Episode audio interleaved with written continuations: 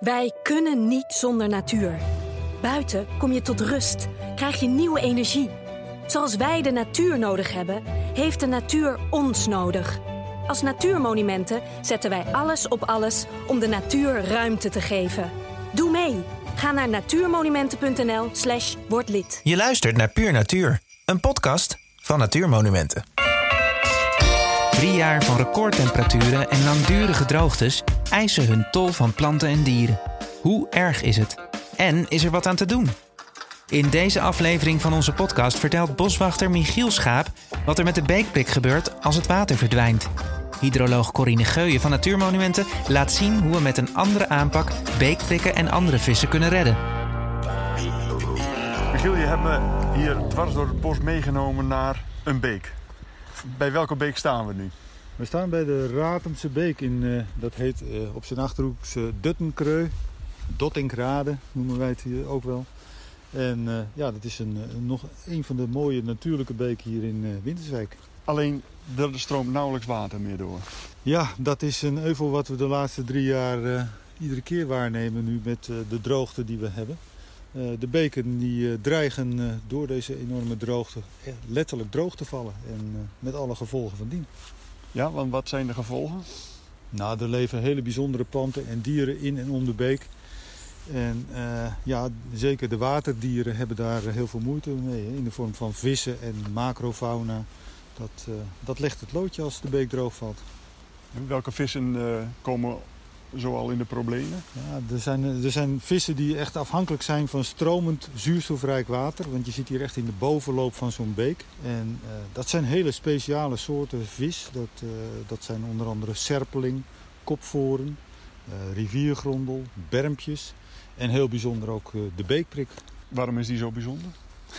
Beekvri- Beekprik is een, ja, echt een hele bijzondere ja, vis. Maar je mag het eigenlijk geen vis noemen. Het is een, een rondbekachtige, hele soort fossielachtige vis om, eh, om als je hem eh, ziet.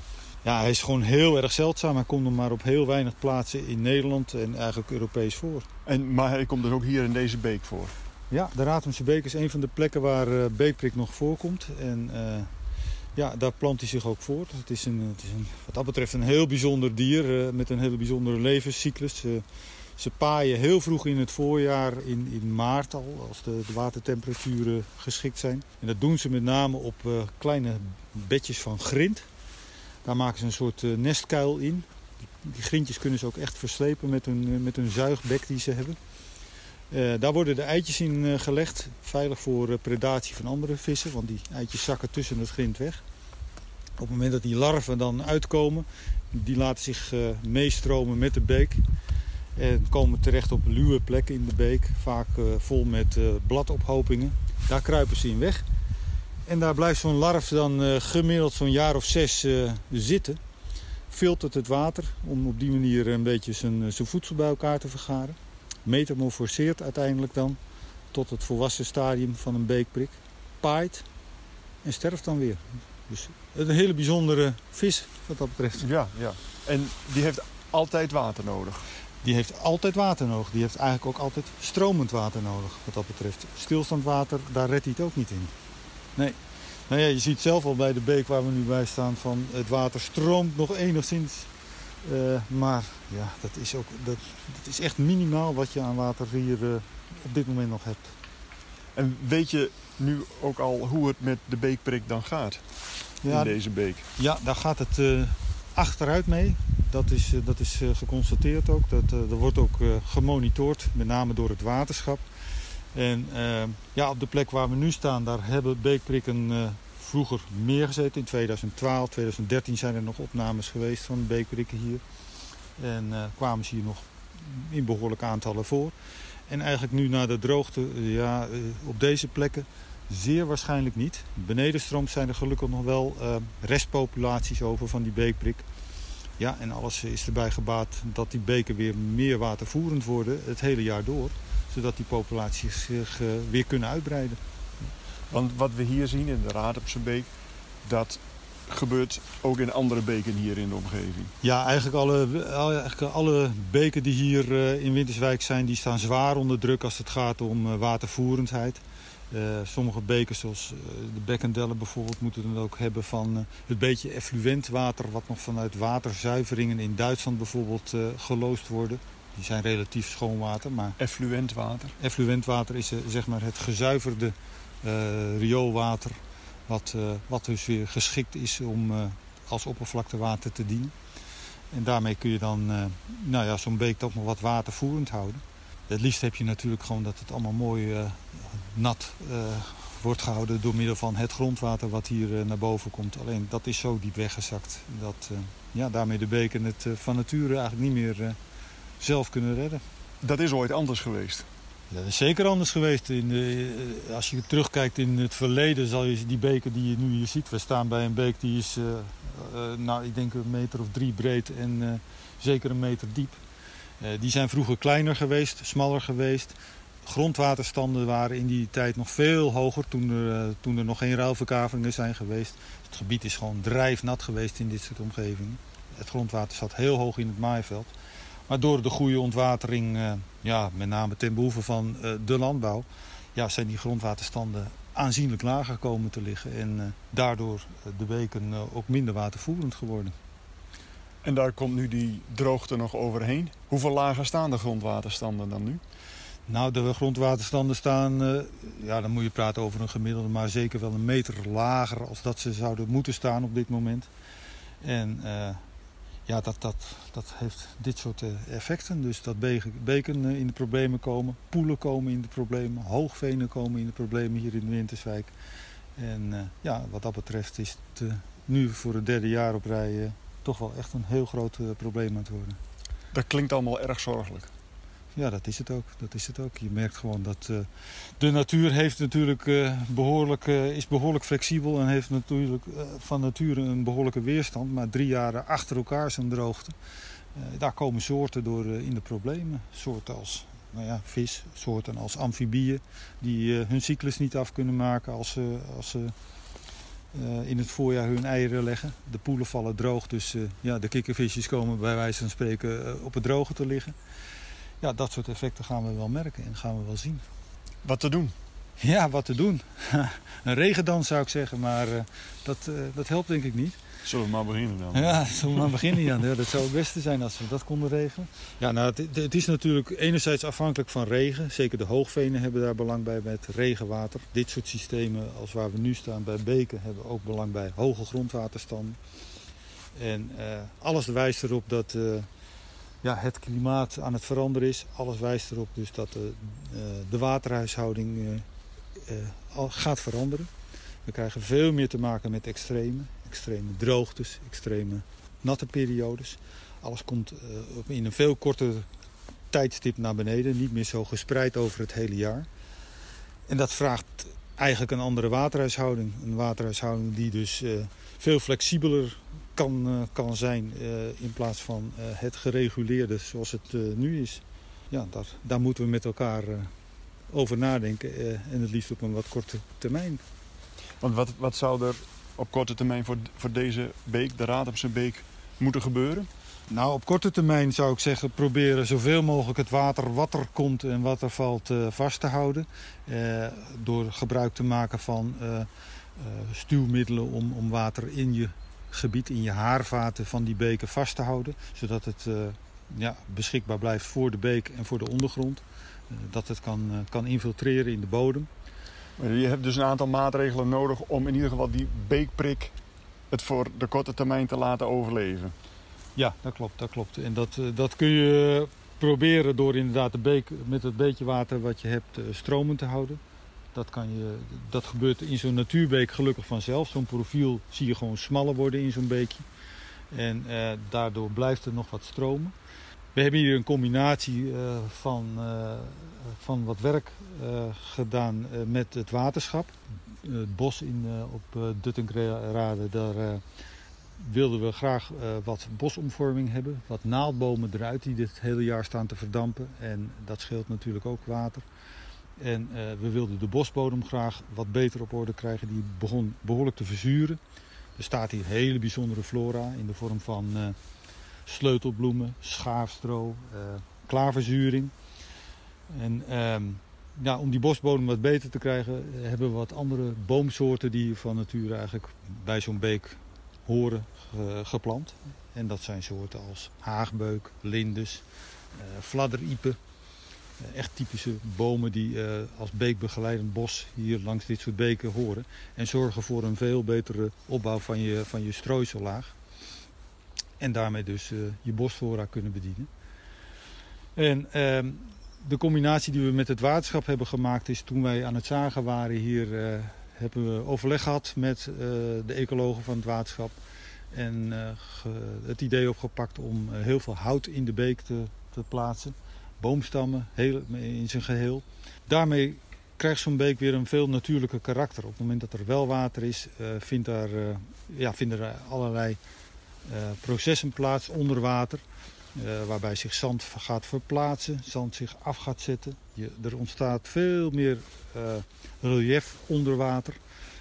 In de vorm van ook hele diepe stroomkuilen die veel langer water houden op het moment dat er droge periodes aanbreken. En daar kunnen dan heel veel organismen in overleven. Het zijn een soort ja, tijdelijke vluchtplaatsen worden die wel genoemd. Refugia.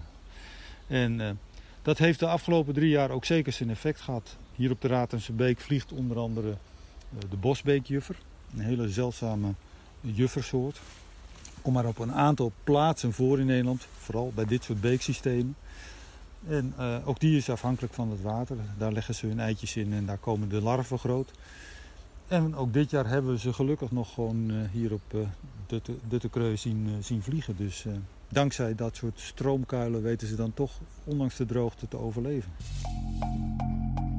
Niet alleen in de Achterhoek had de natuur te lijden onder grote droogte. Natuurmonumenten maakten een inventarisatie. Aan de rand van de Leuvenumse Beek vertelt hydroloog Corine Geuyen over de uitkomsten. Het is nu al drie jaar op rij hè? en uh, het heeft eigenlijk in het hele land wel gespeeld. Uh, met uh, eigenlijk de grootste problemen op de hoge zandgronden. Daar heeft het sowieso ook het minste geregend.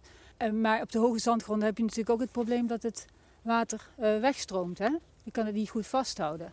Tenminste niet hoe we het nu hebben ingericht. Dus eigenlijk zijn die problemen echt ja, op de zandgronden echt heel erg groot geweest. En, Kun je daar wat voorbeelden van geven? Ja, nou ja, dus heel veel beken die uh, droog zijn gevallen. Heel veel bovenloopjes van beken, maar ook de wat grotere beken. Hè, zoals uh, nou ja, ook die Leuvenumse beek hier heeft ook op een aantal plekken is die droog gevallen. Maar ook de uh, grotere beek in de Achterhoek en delen van Brabant. Maar ook heel veel vennetjes. Hè, die uh, vennen vallen sowieso af en toe droog. Maar drie jaar op rij en een hele lange periode van het jaar, dat is natuurlijk wel problematisch. Veengebieden, hoogveengebieden, hè, daar is het sowieso ook funest als die echt droog vallen. Want die, die veenmossen die kunnen wel tot een bepaalde hoogte zelf hun water goed vasthouden. Maar ja, deze, deze droogte, daar, uh, daar kon ze niet tegen op. Dus er zijn echt heel veel veengebieden drooggevallen. En zijn er planten en dieren daardoor in problemen gekomen?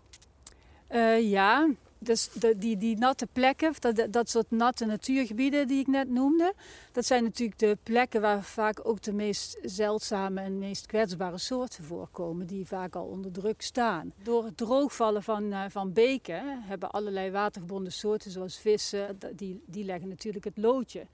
Uh, en dat hebben we ook wel massaal uh, gezien in heel veel gebieden.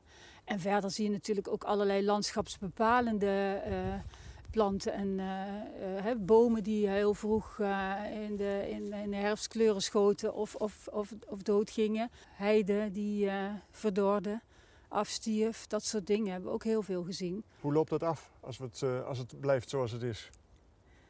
Um, nou, kijk, drie jaar op rij is, is al heel veel. Hè? Dus dat moet zeker niet langer doorgaan. Dus als we echt niks doen, dan ehm, uh, dan loopt dat volgens mij heel dramatisch af. Ik denk echt dat bepaalde hele kwetsbare uh, populaties, uh, die zijn gewoon weg. en, en die moeten dan weer langzaam vanuit de plekjes waar ze dan misschien nog zitten, hopen we dat ze weer terugkomen. Dus als wij niet echt die gebieden wat, wat meer, ja wij noemen dat dan robuuster maken, dat ze wat meer tegen een stootje kunnen. Dat ze wat meer de droogte kunnen opvangen Eh, dus de, dat, dan, dat wordt heel belangrijk. Want nu zijn heel veel gebieden die worden door uh, allerlei activiteiten in hun omgeving worden ze, uh, worden ze ontwaterd. Dus natuurgebieden verliezen heel veel water aan bijvoorbeeld sloten in de landbouwomgeving, grondwaterwinningen voor ons, ons drinkwater, maar ook voor, um, voor het beregenen van gewassen. Beken worden ook gewoon leeggetrokken, um, ook voor het beregenen van gewassen. Um, dus, dus die gebieden verliezen heel veel water. En wat we nou willen, is dat die gebieden nou ja, dat, dat er ook bepaalde zones rondom die gebieden uh, worden aangewezen waar je dat soort dingen dus ja, niet mag doen. Dus, dus dat, dat je die gebieden dus niet uh, langzaam leegtrekt. Maar dat de gebieden zelf veel natter mogen zijn. En daarmee kunnen ze veel beter tegen een stootje. Ze kunnen droogte veel beter verdragen. Maar ze kunnen ook dienen als, uh, als er, als er dus hele natte periodes zijn. Hè, om water op te vangen. Daar kunnen ze dan ook voor dienen. Hoe, hoe, moeten we ons dat voorstellen? Je hebt een natuurgebied en daaromheen ga je dan diepe sloten die er nu zijn dichtgooien? Wat, uh, hoe, ja. hoe, gaat dat? Ja, je hebt heel veel natuurgebieden. Bijvoorbeeld de Dommeldal in Brabant. Hè. Dat is een, uh, een heel lang gerekt uh, natuurgebied van de Belgische grens tot aan Eindhoven. Maar dat is heel smal. Dat is vaak maar enkele honderden meters breed rondom die beek. En, en er zijn ook hele stukken waar helemaal geen natuurgebied ligt, zeg maar. Dus dat, dat zijn echt allemaal snippers. En daaromheen ligt overal landbouw. En die hebben natuurlijk, die willen in februari vroeg het land op, de boeren. En dan moet dat land droog zijn. Dus die hebben een, er is een enorm uh, afwateringsstelsel voor uh, ingericht. En je ziet dus ook dat al die, die grondwaterstroming, die kweltoestroom die wij heel graag naar de natuurgebieden willen hebben, die gaat allemaal naar die diepe sloten. En dat zijn wij gewoon kwijt. En daar zijn we ook wel mee bezig met een soort herinrichting om dat soort dingen ja, anders, uh, anders in te richten. Maar betekent dat dan niet dat de landbouw weg moet in die, in die gebieden rondom natuur? Ja, of in ieder geval niet per se de landbouw weg, maar misschien een andere vorm van landbouw die wat meer met die nattigheid kan omgaan. Die misschien niet in februari al het land op moet, maar wat later in het seizoen. En, ja, en, je, en je, moet, je moet eigenlijk een soort herverkaveling gaan doen. Je moet proberen je natuurgebied iets groter te maken. Dus wel een aaneengesloten lint langs zo'n dommel. En daaromheen eigenlijk een schil van gebieden die je dan gebruikt voor ja, wat minder uh, intensieve landbouw. Wat meer nou ja, natte teelten of misschien combinaties ook met, met waterwinning. Uh, dat soort dingen. Dus uh, een soort overgangszones noemen wij dat. Maar, maar door als het ware buffer, bufferzones rondom natuurgebieden te creëren, zorg je ervoor dat daar in ieder geval minder last van droogte is. Dat is het idee.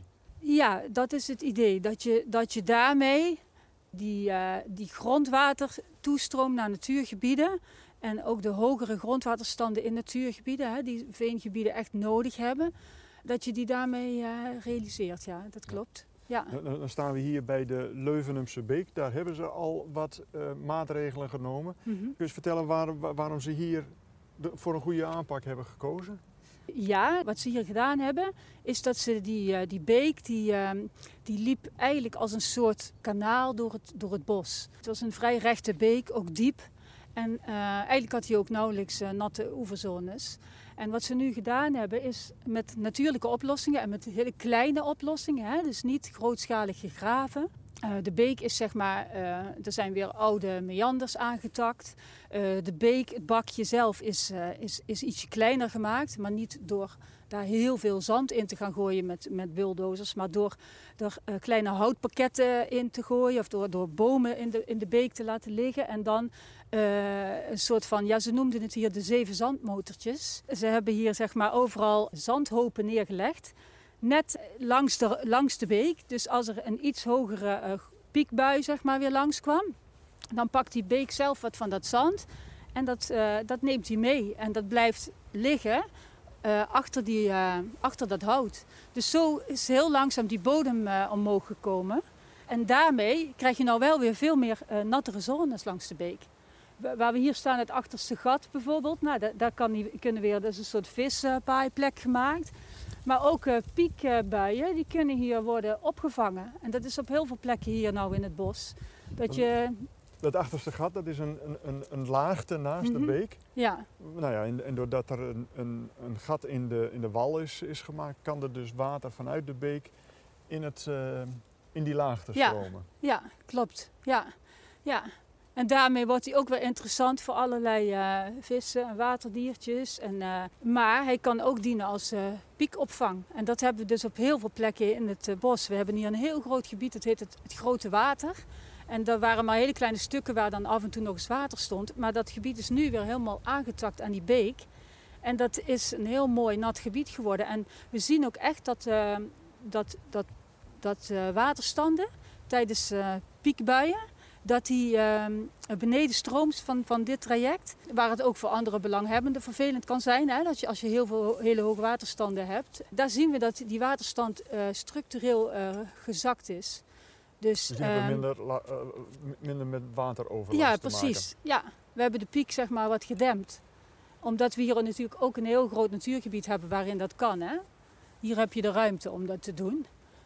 Op veel plekken heb je dat niet. Maar ja. Dus het is een mooi voorbeeld van hoe je water kunt vasthouden in de natuur, als een, Ja. in, in feite als een soort spons kunt gebruiken. ja, ja, absoluut. Ja, dat klopt. We noemen dat ook al klimaatbuffers hè, van de natuurmonumenten. Ja. Dus dat is het herstel van de, de sponswerking van allerlei laagtes. Die ooit ook aan die beek vastzaten. Die we in de loop van de jaren eigenlijk allemaal hebben afgekoppeld. Ja, die hebben we nu weer eh, bij de beek, eh, aan de beek eh, verbonden. En kun je ook zien dat de natuur er daardoor beter op geworden is? Eh, ja, sowieso zie je nou op een heleboel plekken langs de beek dan ook gewoon wat meer variatie in begroeiing. Hè? Want we staan hier in een, een beukenbos met wat grove dennen en zo. Maar op die plekken, eh, eh, die, die plekken die vaak overstromen, krijg je een heel ander soort vegetatie. Je krijgt ook wat meer grasachtige, zeggenachtige vegetaties.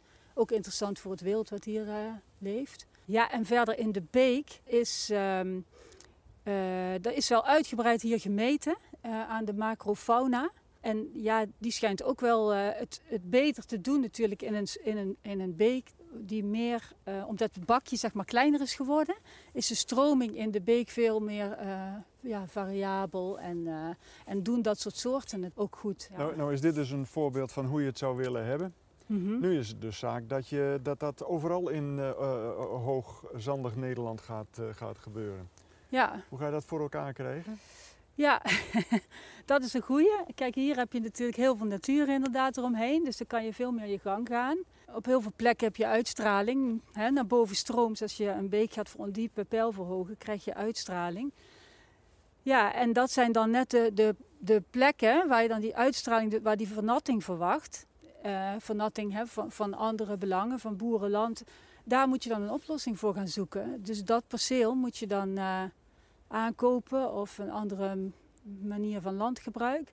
Maar dat, is, dat zijn wel de, ja, de, de angels die nu eh, die in, in het systeem zitten. We hebben het er steeds over, hè, naar aanleiding van die droge zomers. We moeten meer water vasthouden.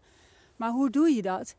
Ja, dat, dat kan je alleen maar doen door eigenlijk op grote schaal beken inderdaad minder diep te laten insnijden, die grondwaterstand omhoog te brengen. En op een aantal plekken gaat dat knellen. De lage plekken in het landschap gaat dat knellen.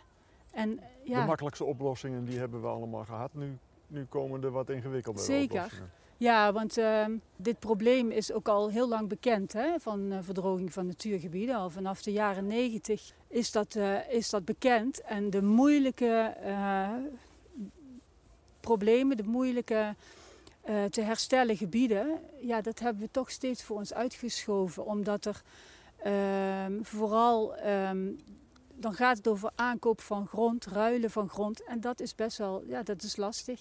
Dan gaat het ook om belangen. Hè? Want eh, ja, een, waterschap moet dit soort projecten oppakken. En een waterschap ja, heeft een, eh, voor een groot deel ook een agrarisch bestuur. Ja, dat is eh, toch vaak lastig gebleken van dat soort projecten waarbij de delen van landbouwgebieden eh vernat. Maar we merken wel dat nou die discussie eh, van de laatste jaren heeft er wel voor gezorgd dat er toch heel veel mensen eh, wel zich ervan bewust zijn dat het anders moet. Dat, dat we gewoon echt, ja... het- Zo, zoals we in de jaren negentig met die bijna overstromingen van de rivieren hebben gehad. Die geleid heeft Ja. tot, tot, tot aanpak van, eh, van de rivieren. ja, precies. Ja, Zou dit het moment kunnen zijn voor, eh, voor de droogte? ja Dus precies. dat ook op grotere schaal Ja, oplossingen worden gezocht voor, om, om, Ja. om de droogte aan te pakken. ja, precies. Want toen hebben we ons gericht inderdaad op de, op, op de nattigheid. Hè? Dat je dat eh, probleem eh, eh, met elkaar hebt opgelost. Maar de andere kant van de meda- medaille is de droogte. En eigenlijk, gaat dat, eigenlijk vraagt dat bijna dezelfde maatregelen.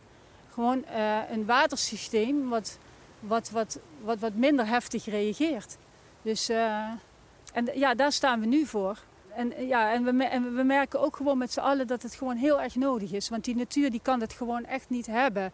Eh, nog meer van dat soort eh, langdurige droogtes. En de landbouw eh, die, die, die merkt het ook. Want die hebben ook enorme last gehad van droogteschade. En die zijn massaal grondwaterpompen gaan aanleggen. Omdat de beekjes en slootjes waar ze water uit konden halen, die, zijn, die stonden droog. Dus ze moesten wel grondwaterpompen aanleggen. En dat is echt massaal gebeurd. En ja, je wil natuurlijk liever zonder al die kunstingre- kunstgrepen en pompen een soort watersysteem hebben wat, waar, we, waar we geen droogteschade in, eh, in ondervinden. wat je voorstelt vraagt eigenlijk om een behoorlijke ingreep, een, eigenlijk een nieuwe inrichting van, eh, Ja. van het buitengebied. Ja, dat klopt. Ja, dat, eh, dat noemen we nou ook steeds zo, een soort ruilverkaveling 2.0. We hebben echt eh, Nederland gewoon zo volgelegd met allemaal greppels en slootjes. En allemaal gericht met een hele strenge normering op eh, dat er geen wateroverlast mag voorkomen. En in dat systeem, daar kan je, daar kan je de droogte niet in oplossen. Da- Dan moet je, dan moet je echt rigoureus anders gaan, gaan inrichten. Ja. Dankjewel. Je hoorde Frans Boscher in gesprek met Michiel Schaap en Corine Geuyen. Wil je geen aflevering van deze podcast missen? Abonneer je dan in je favoriete podcast-app. Wil je meehelpen de natuur en het culturele erfgoed in Nederland te beschermen? Kijk dan op www.natuurmonumenten.nl/slash. Bedankt voor het luisteren naar deze aflevering van Puur Natuur. En tot snel in een van onze gebieden of in je koptelefoon.